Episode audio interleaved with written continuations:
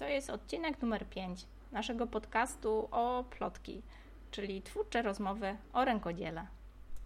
W tym podcaście chcę się z Wami podzielić sprawdzonymi sposobami na spełnianie marzeń. W logistyce codzienności zapominamy często o tym, czego pragniemy, do czego dążymy. Tutaj chcę Wam opowiedzieć o marzeniach fascynujących ludzi, których poznałam dopiero wtedy, kiedy zaczęłam gonić za swoimi. Fuck up stories czyli dlaczego warto się nie poddawać. Żeby nie było tak kolorowo, postanowiłam zebrać w jednym miejscu wszystkie niepowodzenia, które tylko utwierdzają, że twardego dubska potrzeba do przedsiębiorczości. Często słyszę, że jestem osobą pogodną, pozytywną i takim to łatwiej się wszystko udaje. Nic bardziej mylnego.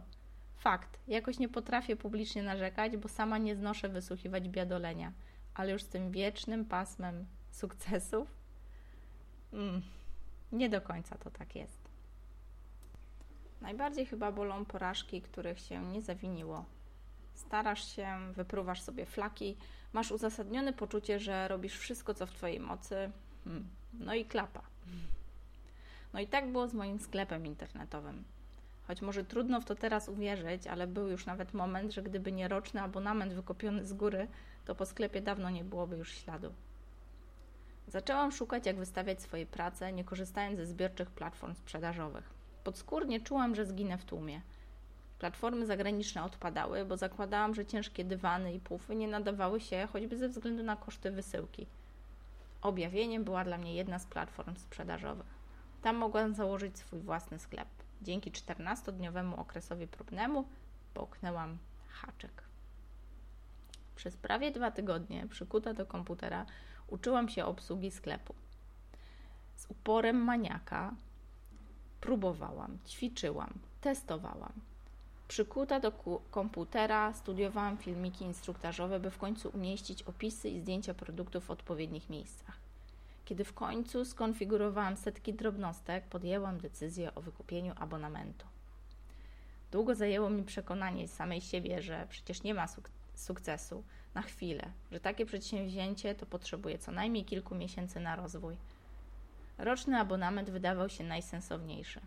Kwota netto, oczywiście razy 12 miesięcy, plus 23% podatku. Hmm, ręka zadrżała, no ale mówiłem, do odważnych świat należy. Spodziewałam się fanfar, trąb anielskich, pasma sukcesów i kolejki zamówień.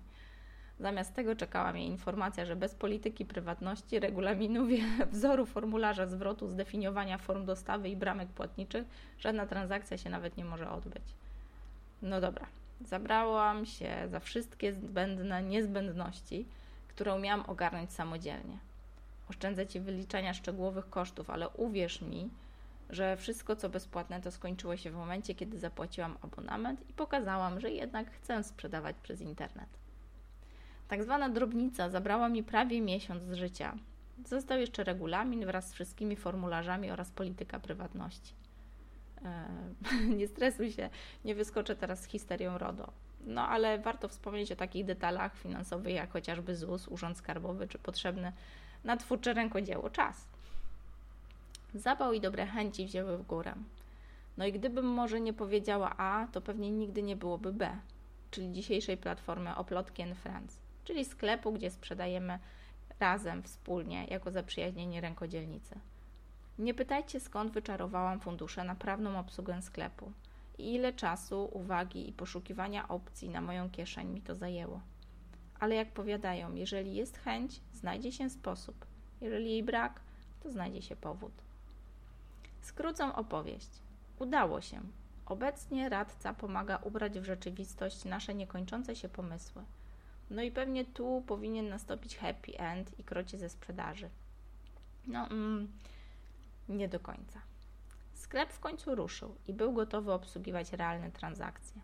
Teoretycznie każdy mógł wejść, znaleźć piękny detal wnętrzarski dla siebie i kupić, ewentualnie skontaktować się w celu zmodyfikowania rozmiaru czy koloru. Teoretycznie, no bo w praktyce nikt o tym wyśnionym sklepie nie miał nawet pojęcia. No miałam już działający fanpage, ale tam promowałam warsztaty, więc wiedziałam, że niekoniecznie to są osoby, które chciałyby kupować gotowe produkty, raczej te, które chcą je po prostu zrobić. No i zaczęło się. Jak to ja? Na oparach entuzjazmu ruszyłam na podbój szkoleń sprzedażowych. Chyba nie było bezpłatnego instruktażu marketingowego, który uszedłby mojej uwadze. No nie kryję, że nadszarpnięty budżet nie pozwala na płatne szkolenia. Powoli, i tu, żeby nie było wątpliwości, mówię raczej o miesiącach, a nie tygodniach, zaczęłam rozumieć, o co w tym wszystkim chodzi. I drgnęło.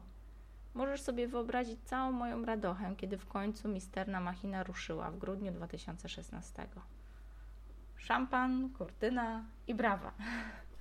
No nie do końca. Potem był martwy styczeń, zero pomysłów, jak przetrwać do Wielkanocy. Dopiero kolejny rok nauczył mnie, jak wykorzystać dni babci, mamy, letnie mody, jesienne czapkoszały. No i teoretycznie powinnam sobie teraz spokojnie dziergać w domu i sprzedawać personalizowane ręczne dodatki do wnętrz. Tyle, że w całej walce przegapiłam siebie. Przecież ja wcale nie chcę siedzieć całymi dniami w domu, kiedy mąż w pracy, a dzieci w przedszkolu, po to, by dziergać bez końca. Ja przecież kocham ludzi. To przecież głównie warsztaty dają mi frajdę w tej rękodzielniczej działalności. I co teraz? No właśnie ludzie. Otwarcie zapytałam w grupie um, o Plotki and Friends. Zarabiam na rękodziele. Ona cały czas działa. Co teraz robić? No i dziękuję za ratunek. Teraz w sklepie znajdziecie również pracę zaprzyjaźnionych rękodzielników. Dzięki temu asortyment rośnie, a czas wykonania poszczególnych prac maleje. Mało tego, szydełkujący często kupują haft, a filcowane detale zdobią pracę innych artystów. Ciągle rodzą się nowe projekty z pogranicza kilku dziedzin. Wszystko w atmosferze wspólnego celu, zarabiania na tym, co lubi się robić, by robić tego jeszcze więcej i móc się rozwijać w tym kierunku. Teraz sklep to wspólna praca dziewczyn z zespołu. Często promuję go na targach rękodzieła, wspólnie podejmuję decyzje o promocjach internetowych. Jeżeli któraś z Twoich znajomych chowa świetne prace do szuflady, koniecznie opowiedz jej o działalności rękodzielniczego inkubatora Oplotki. Wiem, że na jej pracę zapewne czekają chętni, którzy muszą je jedynie znaleźć. Muszą się tylko o nich dowiedzieć. Czy to, o czym opowiadam, w jakiś sposób rezonuje z Twoimi wartościami, priorytetami, marzeniami? Jeżeli tak, zasubskrybuj ten podcast, aby nie przegapić kolejnych odcinków. Będę Ci ogromnie wdzięczna za opinię i podzielenie się informacją o tym podcaście ze znajomymi, którym również mam nadzieję uprzyjemnić chwilę oddechu od logistyki codzienności.